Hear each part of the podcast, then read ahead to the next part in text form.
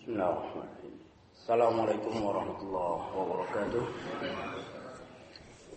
إن الحمد لله نحمده ونستعين ونستغفره ونعوذ بالله من شرور أنفسنا ومن سيئات أعمالنا من يهد الله فلا مضل له ومن يضلل فلا هادي له أشهد أن لا إله إلا الله وحده لا شريك له وأشهد أن محمدا عبده ورسوله يا أيها الذين آمنوا اتقوا الله حق تقاته ولا تموتن إلا وأنتم مسلمون.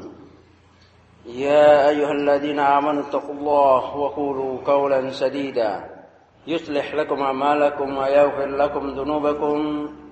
ومن يطع الله ورسوله فقد فاز فوزا عظيما. أما بعد فإن أصدق الحديث كتاب الله وخير الهدي هدي محمد صلى الله عليه وسلم.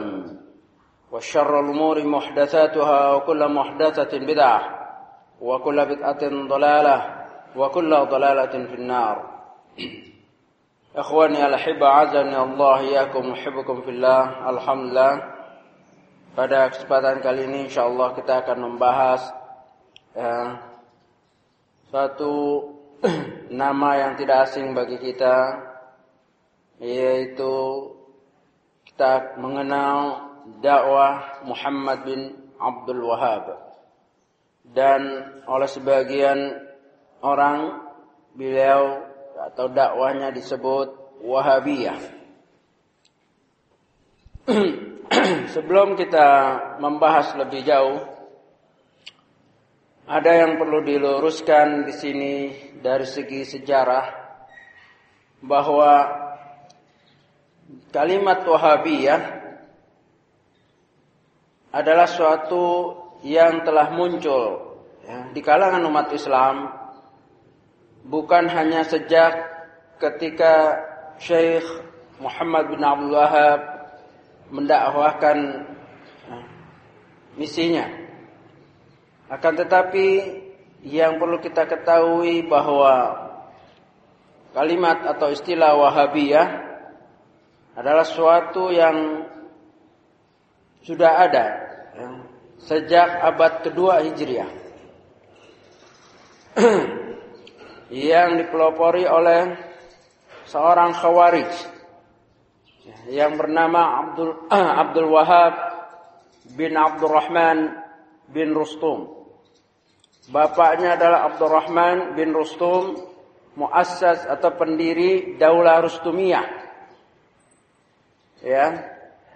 Nah,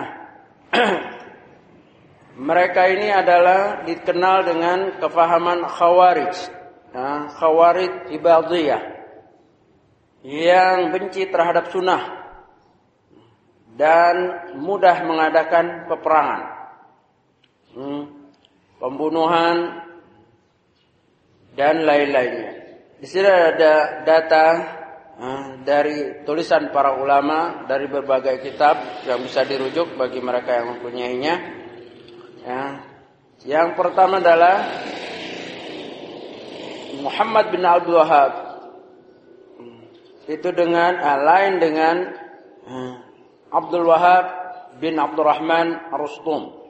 Uh, saksiyatani yang pertama fal, uh, fal ibadiyah nisbatun li Abdul Wahab ibn Rustum. Uh, ibn Abdurrahman ibn Rustum. والثانية للشيخ محمد بن عبد الوهاب ولا تصح نسبة أصلا لأن اسم الشيخ هو محمد dan seharusnya ketika seorang ingin misalkan e, menjuluki dakwah Muhammad bin Al Wahab bukan Wahabiyah seharusnya Muhammadiyah karena namanya adalah Muhammad tetapi kenapa menjadi e, Wahabiyah ini karena pekerjaan musuh-musuh Islam di antaranya Inggris ya untuk mengadu domba antara dakwah Muhammad bin Abdul Wahab dengan uh, Utsman uh, dengan Utsmani yaitu di uh, Khilafah Utsmaniyah yang ada di uh, Istanbul di Turki. Nah ini sejarah lain. Yang jelas uh, kalau Wahabiyah yang ada abad uh, kedua uh, yang dibangun oleh Abdul Wahab bin Abdurrahman bin Rustum. Ini adalah uh, al-ibadiyah, satu kelompok khawarij yang sangat ekstrim dan bertentangan dengan sunnah, sangat membenci sunnah. Nah ini yang, hmm, jadi kalau kita uh, membenci Wahabiyah benar, kita benci Wahabiyah dalam arti kata dakwah Wahabiyah yang dirikan yang dibina oleh uh, Abdul Wahab bin Abdul Rahman bin Rustum. Adapun uh, yang dibina atau yang didakwakan oleh Muhammad bin Abdul Wahab adalah dakwah salafiyah. Dia adalah kembali kepada sunnah. Ya. Yang pertama yang, yang itu yang perlu diketahui bahwa Wahabiyah ada dua. Yang pertama adalah uh, Abdullah uh, Abdul Wahab bin Abdurrahman bin Rustum. Yang kedua adalah Muhammad bin Abdul Wahab. Nah, yang poin yang kedua ini yang dibahas oleh para ulama. Saya ambil singkatnya saja. Dua-duanya mempunyai manhajani, dua manhaj yang saling berbeda. Nah, yang pertama yaitu Wahabiyah. Abdullah Abdul Wahab bin Abdurrahman bin Rustum. Fal ibadiyah firqatun mubtadi'ah. Ini adalah firqah yang bid'ah. Yang tidak mengagungi tidak berdasarkan wahyu. Artinya bertentangan dengan Al-Qur'an bahkan menentang. Ya wahum atau la yafham la yafhamunaha kama fah, kama fahima as-sahabatu wat-tabi'un. Mereka tidak mempunyai kefahaman sebagaimana kefahamannya sahabat dan tabi'in. Ini Wahabiyah yang lebih dahulu. Dan ini uh, terkenal di Afrika, uh, di sentaro uh, negara-negara Islam, mereka sangat takut uh, karena kejamnya Khawarij karena kejamnya di dalam uh, mengadakan pembantaian, pembunuhan, peperangan. Nah, yang poin yang ketiga perbedaan yang harus kita perhatikan selain nama, kedua manhaj, ketika uh, mempunyai dua keyakinan yang berbeda. Fal ula kharijiyah, uh, khawarij, wasania salafiyah. Yang pertama adalah Wahabiyah Kharijiyah, Khawarij. Nah, yaitu yang Abdul Wahab bin Abdurrahman bin Usum adalah Kharijiyah, Khawarij. Adapun yang kedua, Syekh Muhammad bin Abdul Wahab adalah apa? Salafiyah. Ya. Dari kalangan salaf, dakwah salaf, menghidupkan lagi uh, manhaj salaf. Jadi kita sudah ada perbedaan. Nanti secara tahun secara rincinya ini yang poin-poin yang dinukilkan oleh para ulama yang perlu kita ketahui. Yang kedua az-zaman ya. Nah, dua waktu yang berbeda. Wahabiyah yang sesat dan Wahabiyah yang salafiyah. Wahabiyah kharijiyah kita bahasakan begitu aja biar mudah. Yang pertama Wahabiyah kharijiyah khawarij. Nah, yang kedua uh, Wahabiyah Salafiyah. Ini dua zaman yang berbeda. Fal ula fi awakhir qarni tsani. Yang pertama adalah Wahabiyah Kharijiyah muncul pada akhir abad kedua Hijriah. Ya, akhir abad kedua Hijriah. Adapun yang kedua yaitu uh, Wahabiyah Salafiyah ya, fi awakhir qarni tsani ashar. Dia muncul hmm, abad ke-12 Hijriah. Ya, karena beliau lahir seribu 1115 Hijriah dan mulai dakwah sekitar itu jadi abad ke-12, ke-12. Jauh sekali. Beda berapa abad? 10 abad. Tapi namanya uh, Wahabiyah Kharijiyah itu memang orang udah takuti.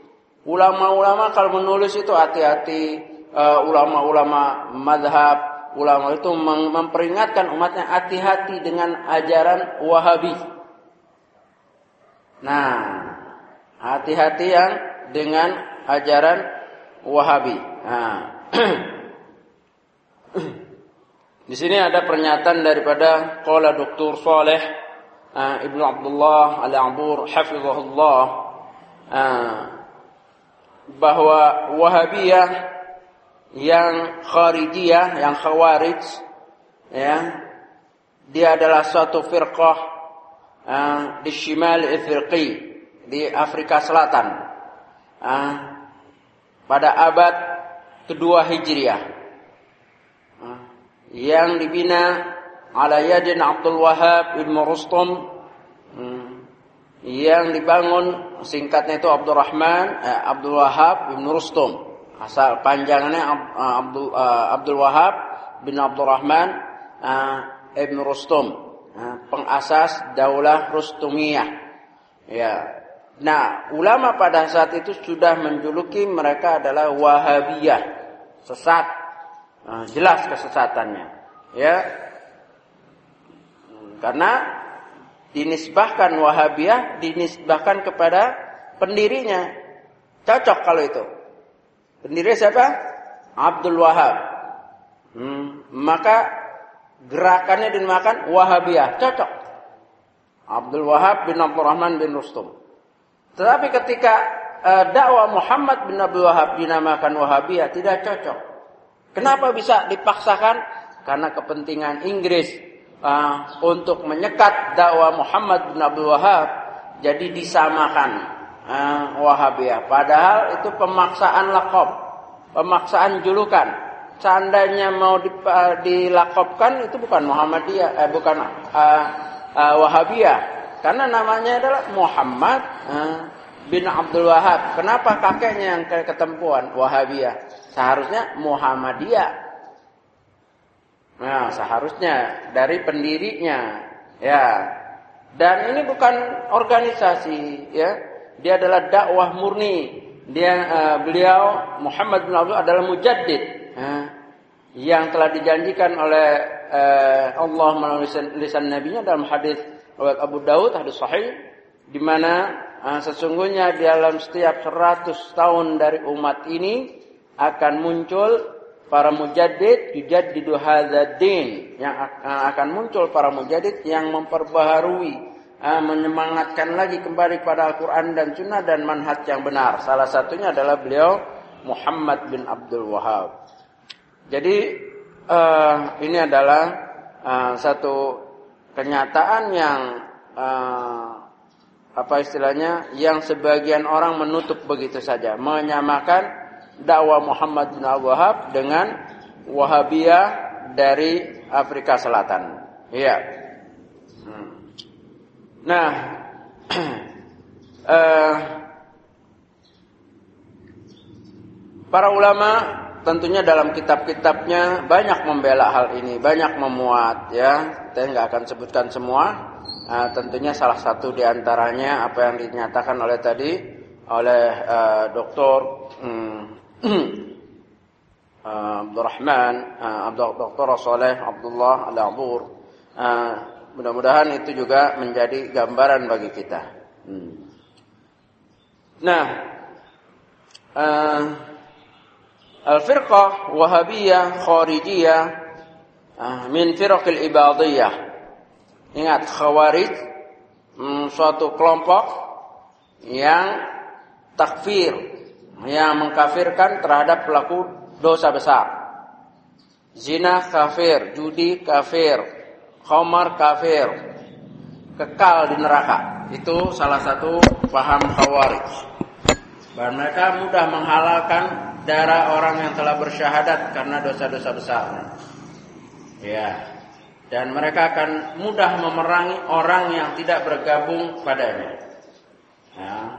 Nah inilah khawarij salah satu korban uh, yaitu uh, Khalifah Ali radhiyallahu yang dibunuh oleh orang Khawarij. Kalau Umar radhiyallahu dibunuh oleh orang Syiah. Kalau Utsman radhiyallahu juga dibunuh oleh antara gabungan Khawarij dan Syiah dari Kufa. Ya. Ya.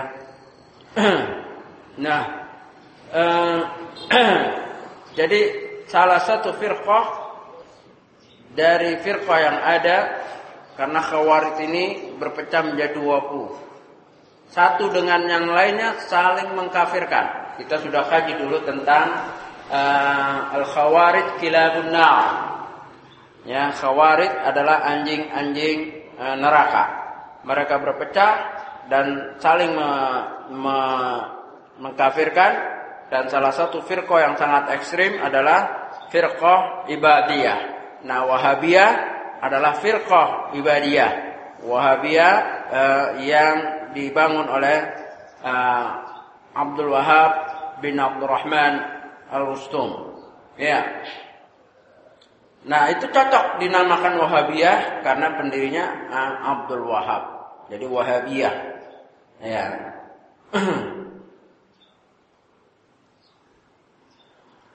nah, ketika itu uh, Ahlul Maghrib yaitu di Maroko, Eh, di Afrika Selatan itu sangat gempar dengan munculnya uh, kelompok ini, gerakan ini. Bahkan mereka sampai membentuk suatu negara. Jadi memang itu suatu sampai bentuk negara. Ya, ya kekuasaannya uh, menyebar di Afrika sampai ke Maroko. Maka para ulama uh, uh, banyak menulis tentang bahayanya dakwah ini. Dan di antara bahayanya adalah mereka memerangi sunnah. Memerangi sunnah. Berselisih dengan pendapat al-sunnah wal jamaah. Berselisih dengan pendapat-pendapat para imam. Bal kaffarahum kasir minal ulama' Bahkan mereka banyak mengkafirkan hmm, ulama-ulama dikafirkan oleh mereka, terutama ulama ahlu sunnah di al-Maghrib, di al-Maghribi, ya. Karena mereka tidak mendukung ulama-ulama yang tidak mendukung mereka, mereka kafirkan, ya. Adapun uh, Syekh Muhammad bin Abdul Wahab hmm, itu Sepuluh abad setelahnya barulah uh, dakwah beliau muncul. Sepuluh abad. Nah, ada beberapa kejadian yang sangat uh, tidak masuk di akal. Maksudnya adalah sebagian ulama yang kurang teliti tentang sejarah mengambil begitu saja kata Wahabiyah disamakan.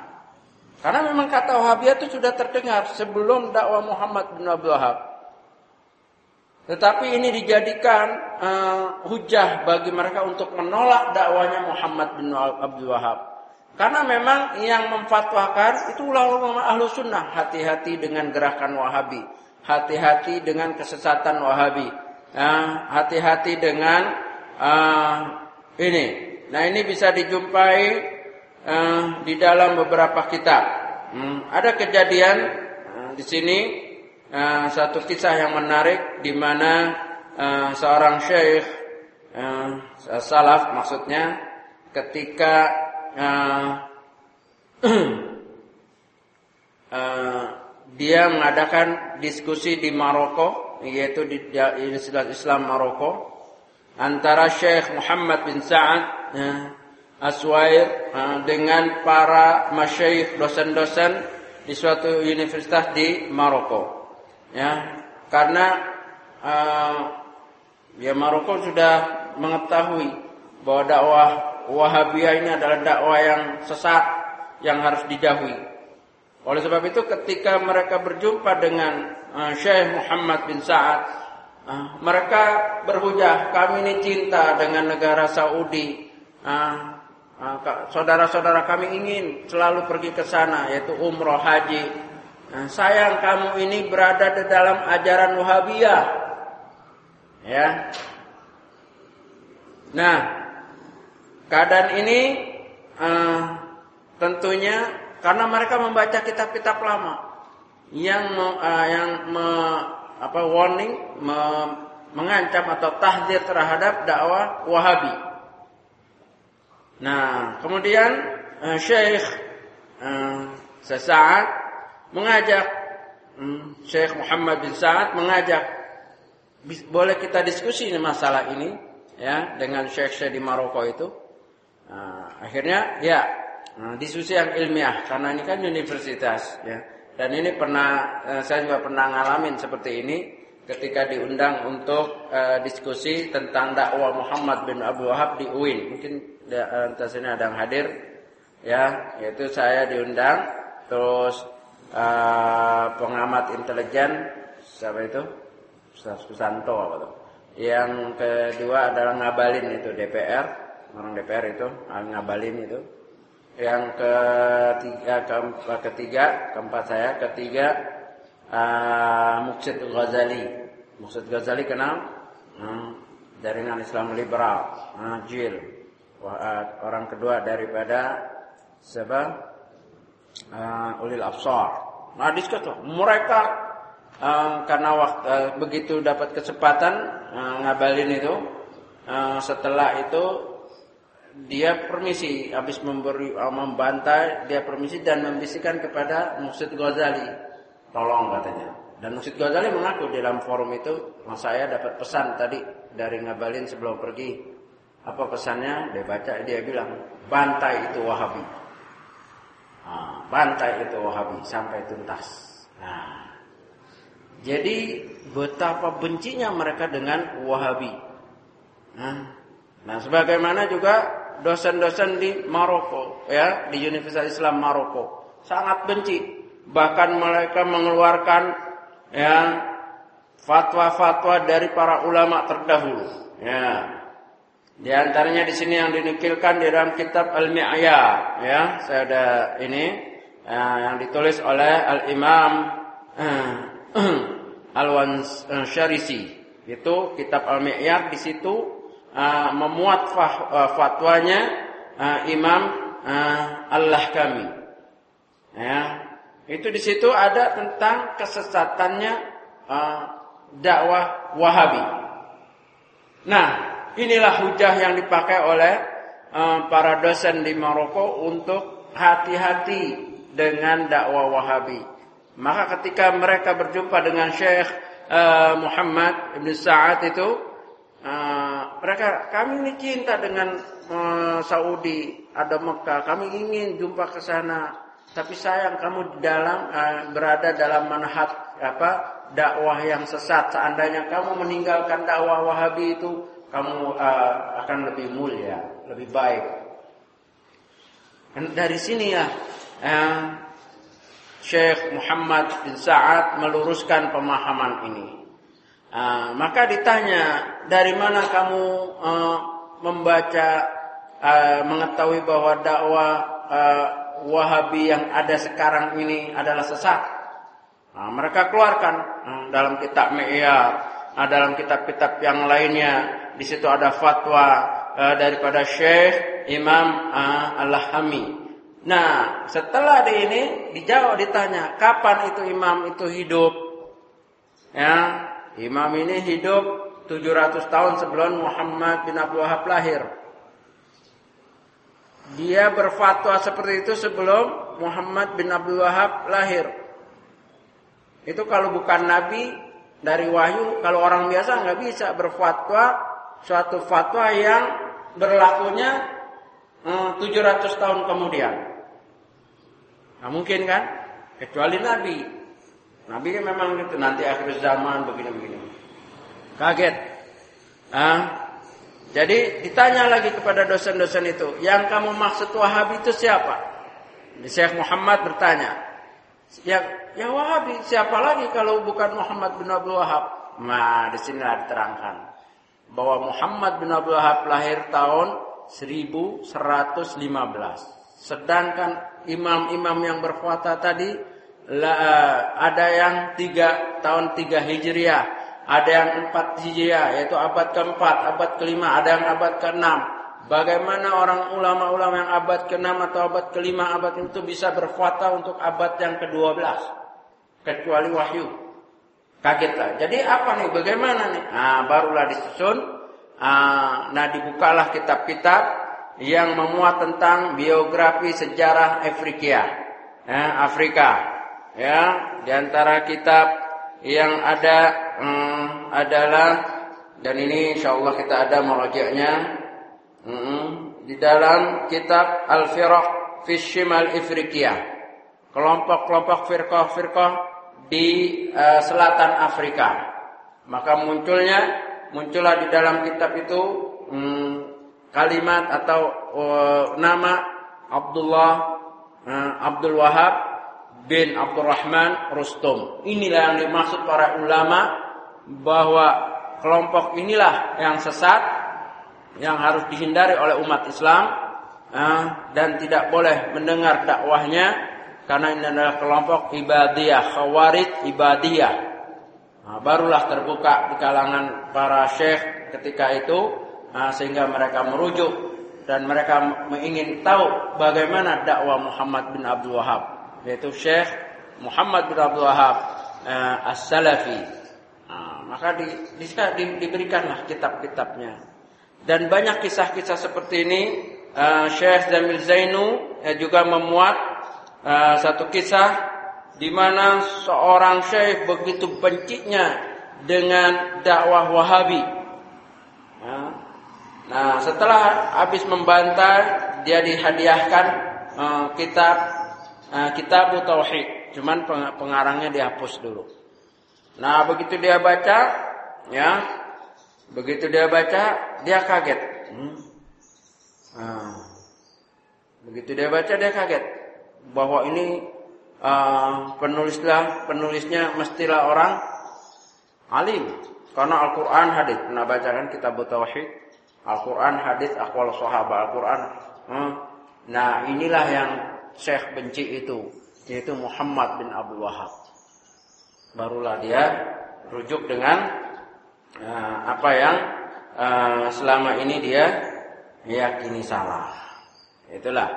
Nah rupanya umat, terutama mereka yang tidak mendalami, ya, menyamakan dakwah Wahabiyah yang sejak uh, ratusan tahun itu ketika abad kedua dengan dakwah uh, Muhammad bin Abdul Wahab. Ya, maka kalau ada orang misalkan uh, kita suka dengar, ya kita nggak usah langsung marah. Oh, kita langsung setujuin aja dulu. Oh iya tuh saya juga benci dengan dakwah Wahabiyah ini ini yang, yang maksud bapak ini kan Wahabi yang Abdul Wahab bin Abdul Rahman Rustum yang abad kedua itu itu khawar itu membunuh orang al nah jadi sambil di beresin uh, apa urat-urat yang kusutnya. Jangan langsung ditentang ya ya ribut. Iya pak. Memang itu jahat itu pak. Hati-hati itu pak. Jangan sampai anak kita uh, mengikuti Eh, gerakan itu. Ya, nah mudah-mudahan nah, kalau setelah itu mereka mau merujuk minimal baca kitab-kitabnya, ya tidak sembarangan, ya kan? Nah, nah ini yang kita harap dari pengkajian-pengkajian uh, seperti ini. Nah, kita jaga keilmiahannya, ya. Kita jaga keilmiahannya. Ada satu kitab yang mungkin Uh, mudah-mudahan uh, kita dapat membahasnya. Banyak sebetulnya kita tentang pembelaan terhadap Muhammad bin Abdul Wahab. Ya, dakwahnya karena beliau adalah orang yang terzolimi secara sejarah ya, oleh Inggris disamakannya dakwah beliau yang murni kembali kepada Al-Quran dan Sunnah ya disamakan dengan dakwahnya Wahabi yang Khariji, uh, Khawarij. Nah, itu kedoliman yang besar. Ya, dan ketika saya kembali lagi ke tadi ke ketika terjadi per, uh, dialog di UIN ya saya saya hanya begini aja nah, kita ini haruslah ilmiah nah, saudara ada di university di jamiah Islam yang mengatasnamakan keilmiahan dan saudara ini orang terpelajar mudah aja bawa kemari kitab-kitab Syekh Muhammad bin Abdul Wahab. Mana kesesatannya tunjukkan. Coba sebutkan kitab-kitabnya. Kagak tahu. Ya. Akhirnya saya bilang saya bantu. Saya sebutkan kitab-kitab. Halaman berapa? Sesatnya di mana? Kagak tahu juga. Padahal dosen-dosen itu. Padahal anak ada yang tingkatan berapa, ada yang sudah mau lulus. Ya, jadi memang biasa uh, uh, apa menyambung lidah-lidah uh, musuh-musuh Islam ini mudah aja. Wahabi sesat, Wahabi sesat, tapi yang nggak tahu sesatnya di mana dan siapa yang disebut Wahabi itu. Inilah kebiasaan buruk ah, yang sangat dibenci oleh Allah. Inna Allah karihalakum salasan kila wa qala wa kasratu soal wa idaatul mal. Nah, sesungguhnya Allah benci terhadap kamu tidak tiga perkara. Kila wa qala kata-katanya. Bayangkan kalau e, lembaga ilmiah UIN itu kan lembaga ilmiah seharusnya. Seharusnya setiap statement itu ada bukti ilmiahnya. Itu sama sama orang yang kagak sekolah, apalagi yang nggak sekolah. Apalagi yang nggak bawa sekolahan. Nah, enak. Aduh, hati-hati tuh wahabi. Wah, ya, orang dosen-dosen aja kayak gitu. Uh, yang katanya ilmiah, uh, uh, ilmuwan aja kayak gitu, ya jadi maka kita harus sabar dan kita juga harus ilmiah menghadapinya ya. Jadi di sini saya akan bawakan apa yang ditulis nah, oleh Syekh Muhammad bin Jamil Zainu ya tentang dakwah Syekh Muhammad Abdul Wahab nah, bainal mu'aridina nah, al-mu'ayyidina nah, al-munsifin. Dakwah Muhammad bin Abdul Wahab di antara orang-orang yang menolaknya eh, dan orang yang menerimanya dan orang-orang yang tengah-tengah itu ya yang nolak juga enggak menerima juga enggak. Kan ada itu ya dibilang wahabi nah, dibilang salafi ya haraki. Ya nah, itu ya kan? Ya. Dan ada yang nolak langsung. Nah, seperti siapa? Uh, yang sekarang lagi terkenal itu Munzir. Munzir itu yang um, pemimpinnya zikir uh, Rasul. Ya. Muhammad bin Munzir. Nah, itu menolak habis-habisan dan menjelek-jelekan dakwah uh, Muhammad bin Abdul Wahab. Uh, ya. Nah, uh, Secara singkat saya akan bacakan dulu apa yang ditulis oleh Syekh Muhammad Zainu tentang Muhammad bin Abdul Wahab.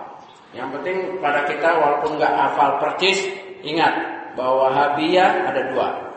Yang pertama abad kedua di Afrika Selatan yang dibangun hmm, oleh orang Khawarij, tokoh Khawarij Abdul Wahab Abdul Wahab bin Abdurrahman bin Rustum dengan negaranya Rustumiyah.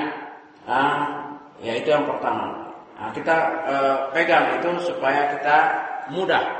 Nah, sekarang Muhammad bin Abdul Wahab ya. Beliau wulida fi biladi Uyainah. Nah, dilahirkan di Uyainah, nah, di Najd. Nah, kata Najd juga ini Masya Allah. Nah, ada hadis uh, bahwa doa Nabi Allahumma ya Allah berkah berkahilah Yaman, berkahilah Syam uh, dan berlindunglah dari Najat karena di situ ada karni syaitan, ada tanduknya syaitan. Najat itu adalah akan munculnya syaitan, apa apa penjahat, perusak agama. Udah Muhammad belum dituduh, hmm. udah Wahabi, uh, dinajat lagi. Mantap kan? Hadisnya juga klop semua hadisnya. Memang inilah yang disebut oleh Nabi, yang Nabi berlindung. Uh, padahal najat itu ada dua.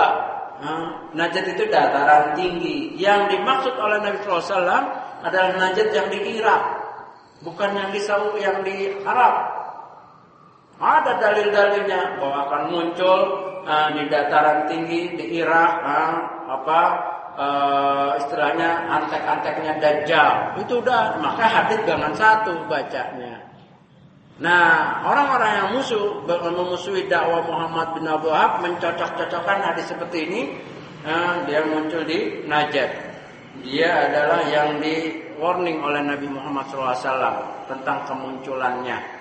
adanya di Najd. Padahal Najd itu bukan hanya di uh, Saudi, tapi di Irak juga. Dan yang dituju oleh Nabi adalah yang di Irak. Najd itu adalah dataran yang tinggi, dataran tinggi. Nah, ya, ini juga uh, apa perkara-perkara yang menjadikan syubhat nanti di dalam bab lain kita akan bahas itu. Ya. Beliau Muhammad bin Abdul Wahab hafizul Quran nah, qabla bulughihi ashar. Beliau menghafal Quran sebelum umur 10 tahun, mirip dengan Imam Syafi'i 7 tahun, ya. Imam Bukhari ya sekitar itu. Nah, subhanallah ya. Nah, dan belajar dari bapaknya hmm, belajar fikih dari bapaknya itu fikih Hambali. Nah, wa qara hadis wa tafsir ala syuyukh mukhtalafil bilad dan belajar hadis dan tafsir dari uh, beberapa syekh. Gurunya jelas ratusan. Ya, dari negeri yang berbeda. Nah, tidak lepas juga baga, uh, beliau belajar di Madinah Munawwarah. Nah, dan menguasai pemahaman tauhid dari kitab sunnah dan beliau adalah orang yang warak di negerinya di Najat itu. Hmm.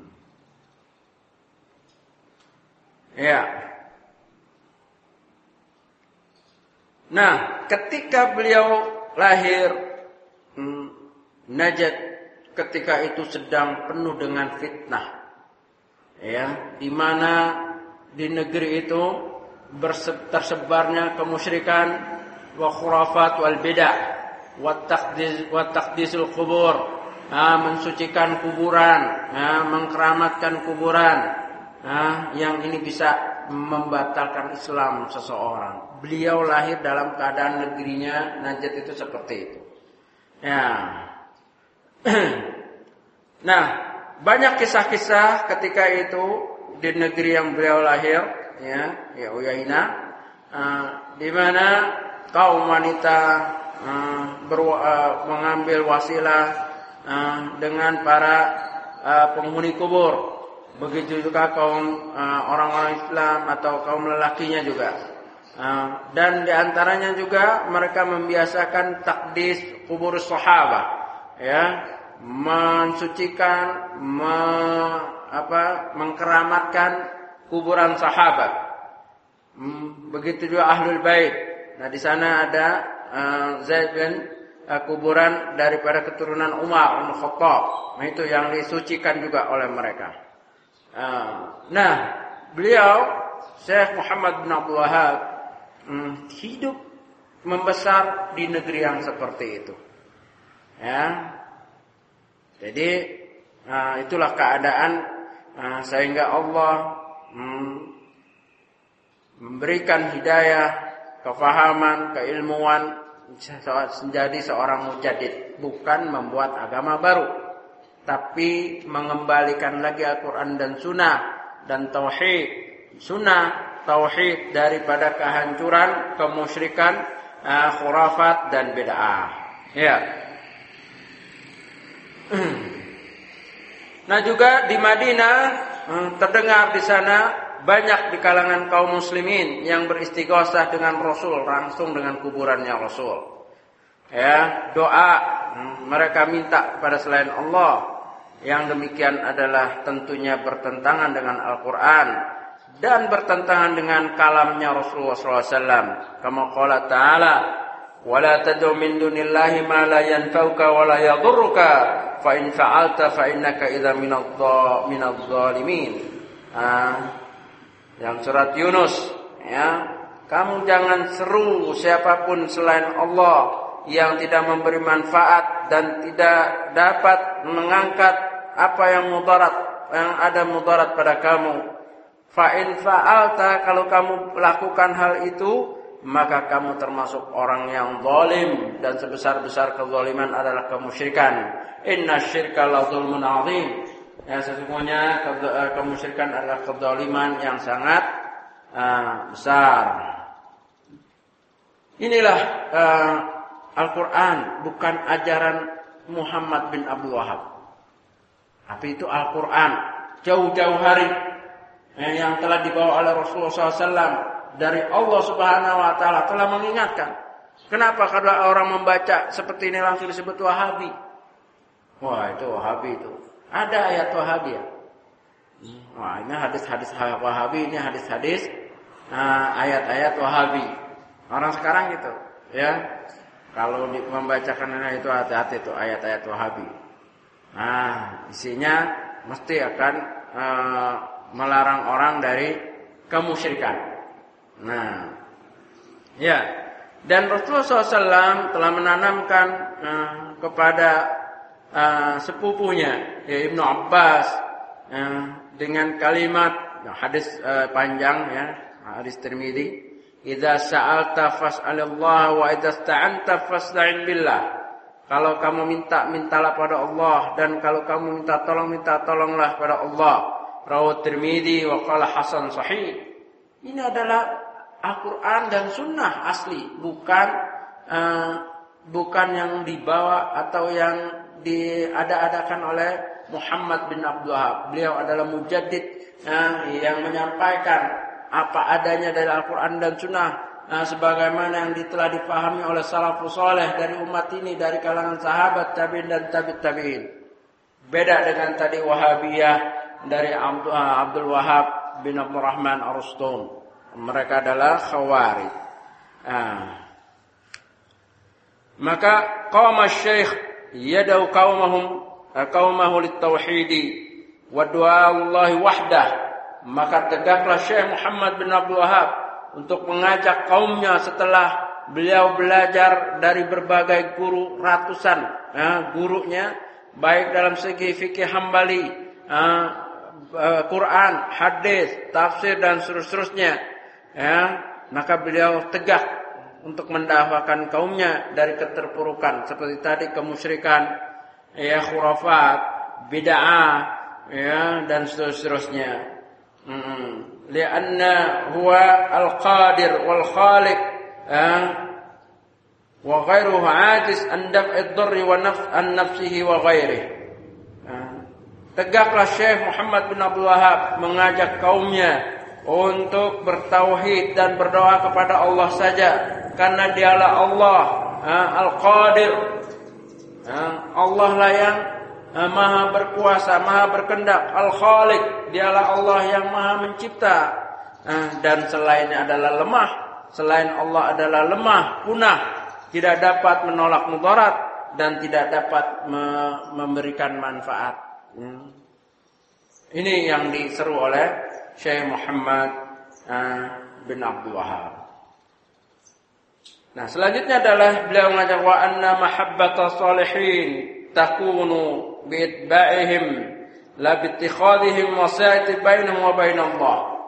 Beliau mengajak untuk mencintai orang soleh, baik dari kalangan orang soleh pada saat itu maupun yang terdahulu sampai kalangan sahabat, eh, sampai Eh, orang-orang uh, yang telah dinyatakan oleh Rasulullah SAW, tapi mencintainya dengan apa? Bitbaihim dengan mengikuti jalannya, manhatnya, uh, bukan mengambil mereka uh, sebagai wasilah doa mereka kepada Allah. Itu bukan mencintai, itu melukai, merusak. Kita cinta dengan sahabat, tapi bukan berarti kalau kita doa kepada Allah melalui kuburan sahabat. Nah ketika beliau hidup, beliau melihat dengan mata kepala sendiri. Nah, ketika Muhammad bin Abdul Wahab hidup, itu beliau melihat dengan eh, dengan matanya sendiri, menyaksikan sebagian orang di Madinah itu kalau doa mesti ke kuburan para sahabat atau keturunan bahkan nah, yaitu tabiin anaknya Umar bin Khattab itu kuburannya sudah diminta. Nah, apalagi Rasul jadi gambaran ketika itu kuburan Nabi SAW di Madinah itu dikelamin itu banyak kertas. Jadi kalau orang yang nih mus lempar. Kalau yang nggak sempat ngomong, mungkin waktunya sempit, ya udah kasih aja. Hmm. Kalau sekarang lengkap itu ada nomor HP, Facebooknya apa semua ya. Nah, penting sampai foto juga kalau perlu ya kan. Tinggal print, lempar. Nah, udah saking praktisnya. Pernah dicoba kan? ada usah doa yang paling depan itu udah paling nangis nangis dia tuh usap usap ya yang paling belakang lempar. Datanya itu dilempar. Nah yang kalau mau lengkap lagi lempar ini nah, flash disk. Ya paling lengkap. Tuh sak tujuh turunan bisa masuk. Minta didoain nah coba rusaknya sampai begitu umat itu maka Allah Qadir Allah maha berkuasa maha berkendak dengan kendaknya Allah munculkan seorang hamba Allah yang soleh, alim, yang belajar telah banyak, ya, yang hafal Quran sebelum umur 10 tahun, ya, yaitu Muhammad bin Abdul Wahab. Itu cara Allah. Ya, Allah yang menjaga din ini. Maka nggak bisa dihalang. Walaupun musuhnya banyak, tetap dakwahnya sampai kita sekarang dulu kita benci banget. Nah, ini kan mantan-mantan pembenci dakwah Wahabi ini. Nah, saya dulu waktu ngaji waktu ini, guru itu hati-hati ya dengan dakwah Wahabi. belum ngaji itu. Baru buka kitab kuning itu, dan babnya bab air nih. Saya ingat itu. Ada ustadz itu baru bab air. Nah, nama nakib Imam Syafi'i pembagian air itu al-miyahun ya, air dibagi menjadi itu sebelum ada hati-hati sekarang lagi tersebar ini dakwah Wahabi, hati-hati. Lama-lama kita penasaran, siapa sih ini Wahabi serem banget. Ya, begitu. Saya dulu begitu, nggak tahu kalau bapak-bapak mungkin langsung ikut dakwah Muhammad bin Abdul Wahab. Kalau saya prosesnya pernah uh, didoktrin untuk membenci, ya, membenci dakwah Muhammad bin Abdul Wahab atau Wahabi. Nah, rata-rata ustadznya begitu. Belum mulai aja pengajian hati-hati. Nah, hati-hati. Itu pokoknya suka menghancurkan kuburan, suka ini, pokoknya melarang ini, melarang apa aja dilarang. Ya, begitu ya. Iya.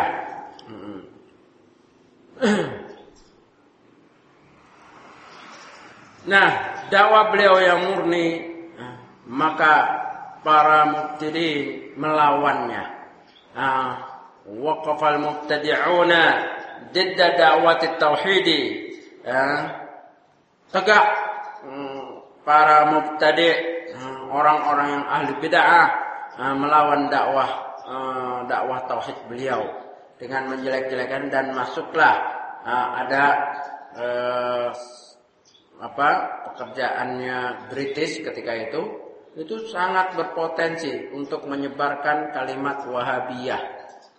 Nah, itu Inggris hmm, dari intelijennya. Ya, ada dua intelijen yang diutus, satu ke Utsmani, satu ke Arab. Nah, dan ada riwayat uh, Muhammad bin Abdullah yang ditulis oleh uh, orang Inggris juga, Hamper. Siapa? Hamper.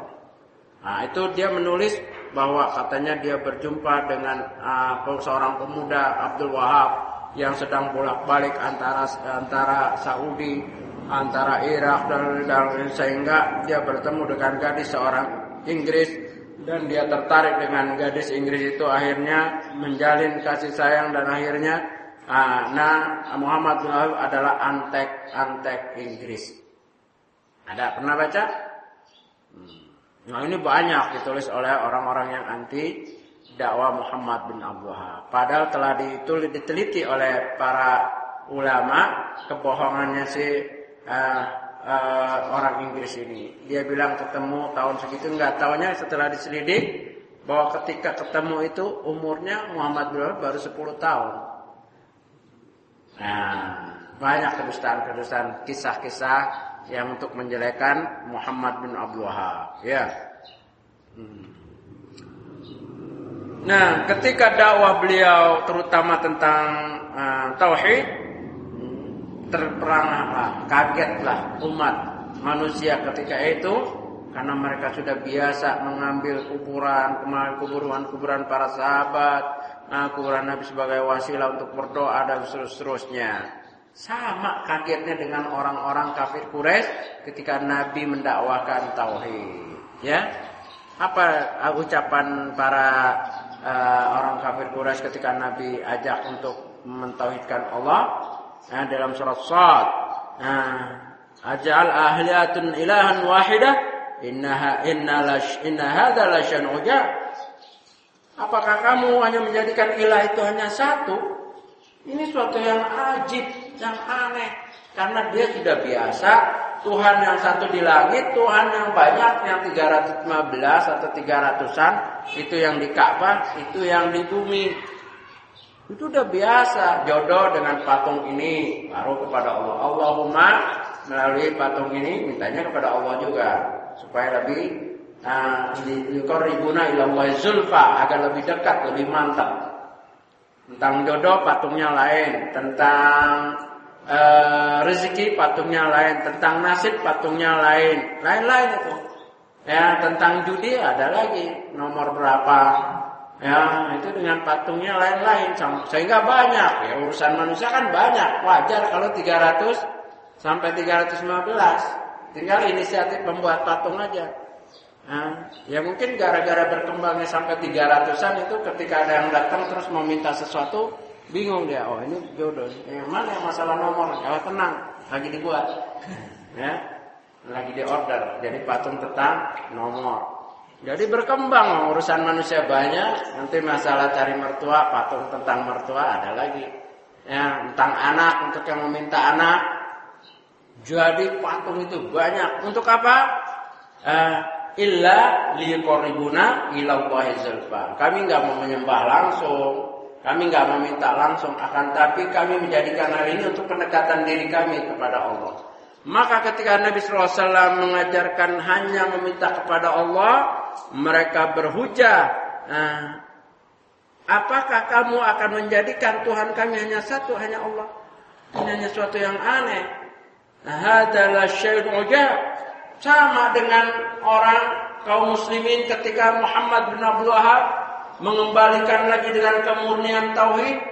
Ini adalah sesuatu yang aneh karena kami sudah biasa minta sama kuburan Nabi, minta sama kuburan sahabat, minta sama keturunan sahabat, ya kuburan-kuburannya, minta sama tempat-tempat. Peninggalan sekarang masih ada Jabal Rahmah. Hmm, Jabal Rahmah minta apa kalau ke sana? Hah? minta jodoh. Hmm. Orang Indonesia banyak. Ya, banyak yang masih ke Jabar rumah itu mencari jodoh. Hmm. Doa sama gunung. Jabal, mau Jabal Rohmah, mau Jabal Kawi, mau Jabal apa, tetap nggak boleh. Mau bahasanya Arab, tetap tidak boleh. Mau dekat Ka'bah, mau Jabal Uhud, ah, tetap tidak boleh kita minta sama gunung. Ah, gua juga sama, mau gua Hiro, mau gua Thor, mau gua yang ada di Karang Tretes atau gua di Banten itu sama, tetap nggak boleh. Ah, minta kepada Allah. Bukan wah kalau Jabal Kawi nggak boleh, Gunung Kawi nggak boleh, ah Jabal Rahman nggak boleh. Nah, sama aja. Nah itu masih ada sampai sekarang. Maka Syekh Utsaimin menasihati kepada hujat para uh, jamaah haji, terutama yang datang dari negeri-negeri uh, Janub Syarik Asia, Indonesia, Malaysia, itu benarkan dulu akidahnya. Jangan udah mahal-mahal, nunggunya juga susah, ya waiting list terus nunggu. Begitu sampai ke sana, uh, masih melakukan kemusyrikan. Waliyadzubillah. Ya, Alasannya sejarah. Tapi kalau sudah sampai ini kadang-kadang ada yang minta, yang mohon-mohon, ya. Nah inilah mirip sekali situasi ketika Rasulullah SAW diutus oleh Allah Subhanahu Wa Taala dengan keadaan kafir Quraisy yang mengambil berhala-berhala sebagai perantara wasilah untuk mendekatkan diri mereka kepada Allah dengan ketika Syekh Muhammad bin Abdul Wahab ia berdakwah dan sementara orang uh, umat Islam pada saat itu dilanda dengan subhat fitnah yaitu kemusyrikan, khurafat dan bid'ah. Ini yang disebut mujaddid. Jangan salah paham, mujaddid itu enggak mengarang, enggak ngarang, enggak bikin syariat baru, enggak. Mujaddid adalah mengembalikan tajdidul hadzal din. Definisinya sudah diberikan oleh Rasulullah SAW dalam riwayat Abu Daud al-Sahih dan disyarah oleh Syekh uh, Muqbil di dalam uh, risalah yang kecil uh, hadi aqidatuna wa da'watuna. Syekh Mukbil bagus sekali mensyarahnya. Ini adalah akidah kami dan dakwah kami. Inilah uh, seorang tokoh yang didolimi dalam sejarah oleh sebagian manusia. Tapi uh, subhanallah, tuduhan-tuduhan, ya kan hadis saya Muslim, tuduhan apabila tidak berdasar, tidak benar, maka apa orang yang menuduh ya akan diambil pahalanya dipindahkan ke yang dituduh. Apabila udah habis, hmm, pahalanya itu udah habis, bangkrut, dosanya orang yang dituduh dipindahin kepada orang yang menuduh. Subhanallah. Kalau ulama seperti ini yang menuduh banyak gitu ya. Ah, maka jadi jangan takut kalau dituduh kena dakwah benar. Nah, itu sudah rumusan dari Nabi SAW hadis Muslim. Manil muflis siapa yang bangkrut ya kan? Nah, jadi jangan pernah mundur dengan dakwah yang hak walaupun kita dituduh oleh uh, sekian banyak orang. Kenapa? Karena kalau tidak terbukti tuduhan itu pahala dia mengalir ke ke kita. Asal jangan benar-benar nyeleneh. Nah, ya pantas kalau udah nyeleneh ya. Jadi kalau kita dakwah yang benar, tidak usah takut dengan tuduhan. Karena itulah yang menimpa Rasulullah SAW dan siapa saja yang mengikutinya. Dalam hadis dikatakan, Inna asyadal bala al-anbiya. Sesungguhnya seberat-berat ujian cobaan itu para nabi. Semua salihun, kemudian orang-orang saleh. Ya, mitluhum, semua mitluhum. Kemudian orang yang mencontohnya, siapa aja yang mencontoh, termasuk kita. Kalau kita mencontoh, kita menghidupkan dakwah sunnah di kalangan keluarga, dari keluarga dulu, setelah kita dapat ku anfusakum walikum naro, kita mengamalkan itu, mengajak keluarga kita, dulu keluarga e, menuduh kita macam-macam sabar. Nggak harus, marah tuh. Dituduh sama paman, apa ini sesat, ini, tenang aja. Karena kalau nggak benar, pahalanya dia ke kita. Ya, sabar.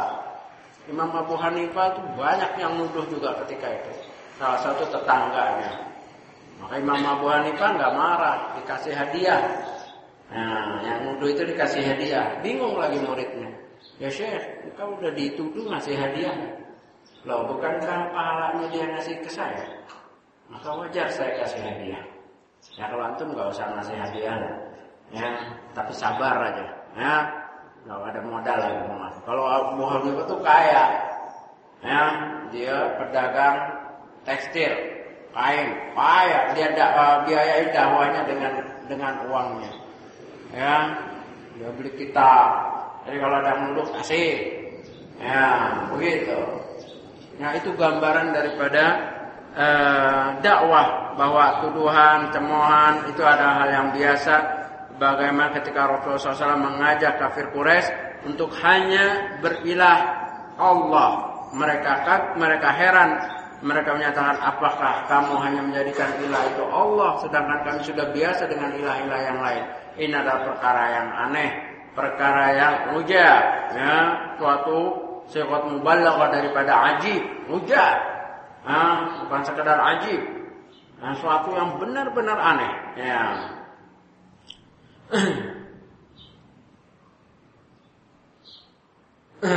nah, ketika beliau mendakwahkan tauhid, mulailah para musuh-musuh, orang-orang yang membenci dengan dakwah sunnah ini membuat kisah-kisah salah satunya yaitu yang dibantu oleh British. Ingat, mudah aja. Kalau musuh-musuh Islam memusuhi seorang tokoh, itu dari ciri-ciri dan sebaliknya, kalau musuh Islam membantu uh, seorang tokoh, nah itu ciri-ciri kesesatannya. Bisa dari situ aja udah mudah. Contohnya dakwah yang dibantu oleh British apa? Mirza Ghulam Ahmad, Ahmadiyah. Di dunia yang punya channel internasional itu baru Ahmadiyah empat channel. Pernah lihat? Nah, itu empat channel terus. Nah, salap baru oh streaming, streaming gitu.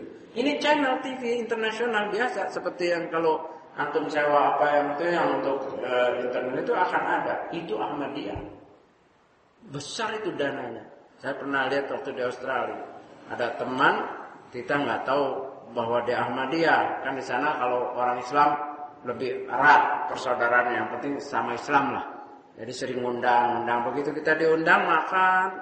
Loh, kok channelnya channel ya lama-lama wah ada imam apa khalifahnya nah, yang keberapa antum Ahmadiyah oh enggak kita Islam ini TV Ahmadiyah ini langsung dialog akhirnya nggak diundang lagi kita hmm.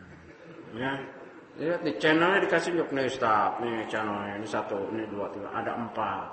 Ini internasional ya? Iya internasional. Satu ini orang Islam, masya Allah dia banggain Islamnya. Karena ada orang yang nggak tahu, belaga nggak tahu atau mau mengajak kita. Nah, setelah dialog, nah, anak antum siapa yang pertama? Mirza, pas. Mirza anak yang eh, nah, anak yang pertama namanya Mirza. Dianya Abdullah turunan Arab. Ya, Nah itu dia tunjukkan empat channel, saya lihat langsung itu empat channel internasional ah, Ahmadiyah. Kenapa? Karena di British ditolong oleh Inggris tentang dananya. Maka orang-orang tokoh-tokohnya itu kaya-kaya. Nah, Muhammad bin Abdul Wahab dituduh antek Inggris. Nah, oleh penulis-penulis uh, antara dari uh, apa tulis-tulis barat itu dan orang-orang yang memang benci dengan dakwah beliau. Ya, kita perlu tahu bahwa itu adalah tuduhan-tuduhan yang tidak berdasar.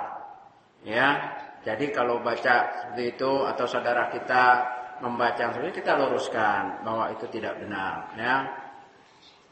Bahkan selain mereka mengibarkan peperangan uh, terhadap dakwah Syekh Muhammad bin Abdul Wahab uh, dan menyebarkan dusta-dusta. Hmm, mereka juga membuat makar untuk membunuhnya. Uh, hmm. Bahkan pemberian sweeping terhadap dakwah beliau. Uh, Walakin Allah hafizah akan tetapi Allah menjaganya. Ya, maka beliau pernah berjalan dari uh, Uyainah dari negeri kelahirannya ke uh, Dariyah. Jalan hijrah jalan kaki. Nah, dengan sembunyi-sembunyi karena mau dibunuh oleh Qabilah uh, yang merasa terugikan dengan dakwah beliau. Apa salah satu dakwah beliau? Ya menegakkan sunnah selain memberantas atau menghentikan aktivitas ritual penyembahan-penyembahan kuburan-kuburan yang dianggap keramat ini kan income untuk sebagian orang. Ya, nggak bisa jual bunga lagi, nggak bisa jual tikar, nggak ini belum pasukan doanya yang nganggur-nganggur. Maka saya bilang diperang gitu. Belum uh, upeti dari pemkhomar perjudian. Jadi kabilah-kabilah saat itu ada yang uh, membantu uh, gubernur Uyaina tempat beliau lahir uh, itu yang mensuplai uh, uang banyak. Sedangkan dakwah beliau bertentangan dengan tradisi seperti itu. Sehingga kalau ini tegak hmm, akan uh, musnahlah kebiasaan-kebiasaan buruk, maka diancamlah uh, diusir atau mereka akan bunuh Muhammad bin Abdul Wahab itu kalau tidak dihentikan. Akhirnya beliau hijrah jalan kaki. Uh, sampailah ke Dariyah. Nah, itu singkat. Sampai begitu kalau dakwah benar, ya. Nah, beliau hijrah untuk meneruskan dakwahnya karena uh, wali atau gubernur uh, daerah yang pertama beliau lahir di situ dan mengembangkan dakwahnya sudah tidak sanggup menjamin lagi. Nah, tidak sanggup untuk mempertahankan dakwahnya. Akhirnya beliau hijrah dan diterima sampai singkatnya berjumpa dengan uh, keluarga Ibn Sa'ud. Qadarullah di satu uh, daerah ditolak, satu daerah diterima. Mirip enggak dengan jalan perjalanan Nabi SAW?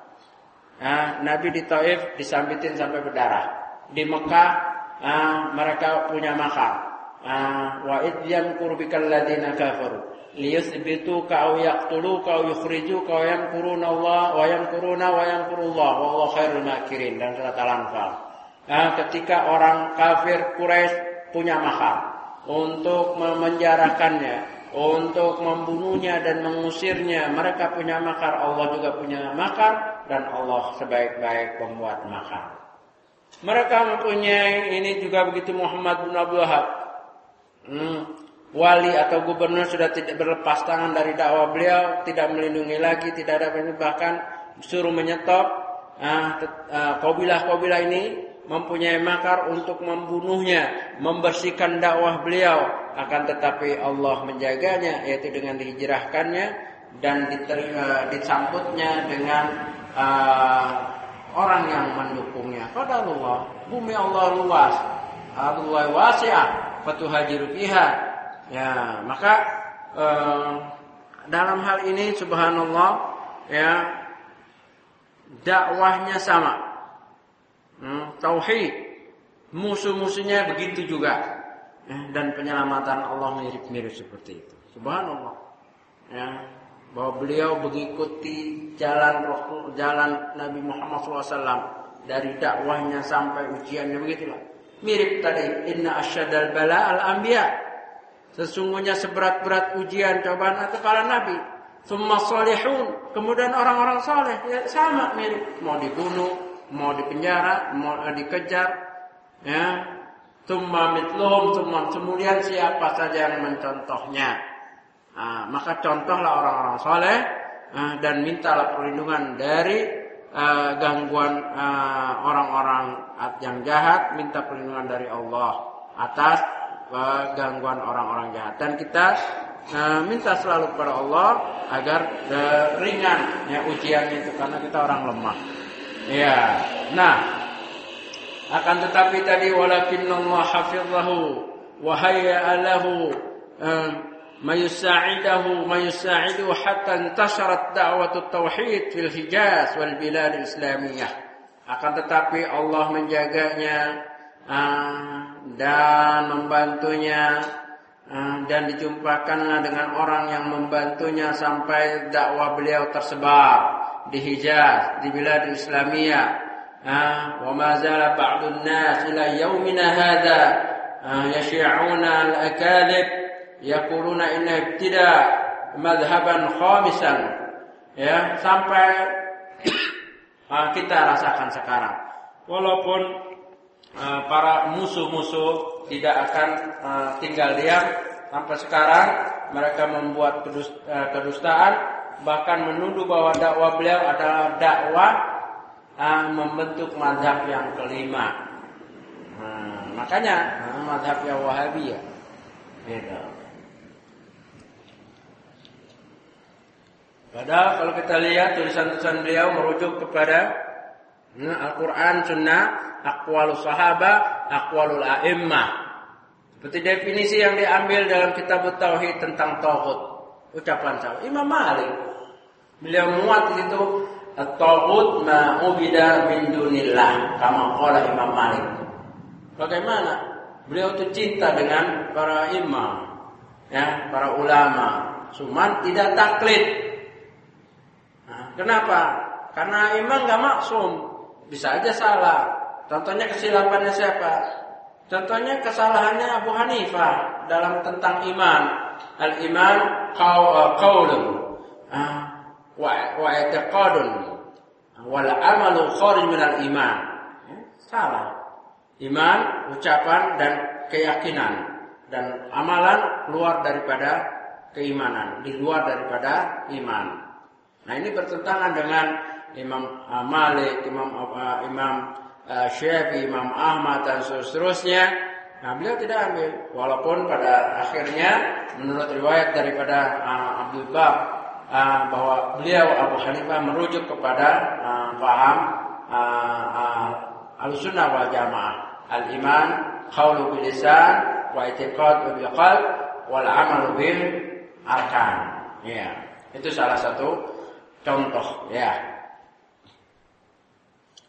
Maka kalau dakwah beliau itu hmm, difitnah dengan disebut Wahabiyah, ya, maka eh, kita tidak pedulikan istilah itu. Ya.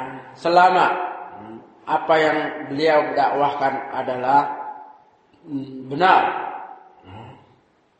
Al-Quran dan Sunnah dan mencintai para ulama salafus soleh. Walaupun mereka men, uh, para apa musuh-musuh dakwah beliau menyu, me, apa menjulukan uh, dengan menyebut siapa saja yang mengikuti dakwah beliau dengan wahabiyun. La yuhibbun rasul ya orang-orang wahabi yang enggak cinta sama rasul.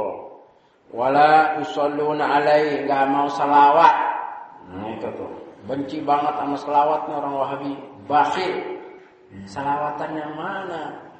Ah ya itu selalu berselawat ya. Dalam syahadat ya dalam sholat tasyahud. Akhir Allahumma sholli ala. Tapi kalau salawat-salawat yang sekarang kita dengar di di TV di apa di mic-mic itu di masjid itu dari mana itu? Nah, salatullah salamullah ala toha rasul salatu wa salam. Ilahi sallimil ummah. Ya kan?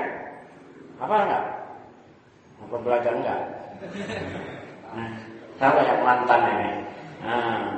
Nah itu ujung-ujungnya dengan ahli badar berwasilah dengan ahli ilahi sallimil ummah minal afat wa ni'mah wa min hammi wa min umma bi ahli badri ya Allah Ya Allah selamatkanlah umat ini dari kehancuran, dari kemusnahan, dari keterpurukan dengan ahlu badarmu ya Allah. Ahlu badar masih hidup apa enggak? Ahlu badar udah mati, udah sahih kan, udah pada mati. Masa diminta? Nah itu salawat yang kayak begitu yang kita harus ikut. Enggak. Udah macam-macam salawat naria, badria dan ya kan? Nah, banyak itu. Tidak. Nah, kalau kita bersalawat dengan apa yang Nabi telah ajarkan. Allahumma salli ala Muhammad wa ala ali Muhammad kama sallaita ala Ibrahim innaka Hamidum Majid. Jelas. Ya, itulah salawat.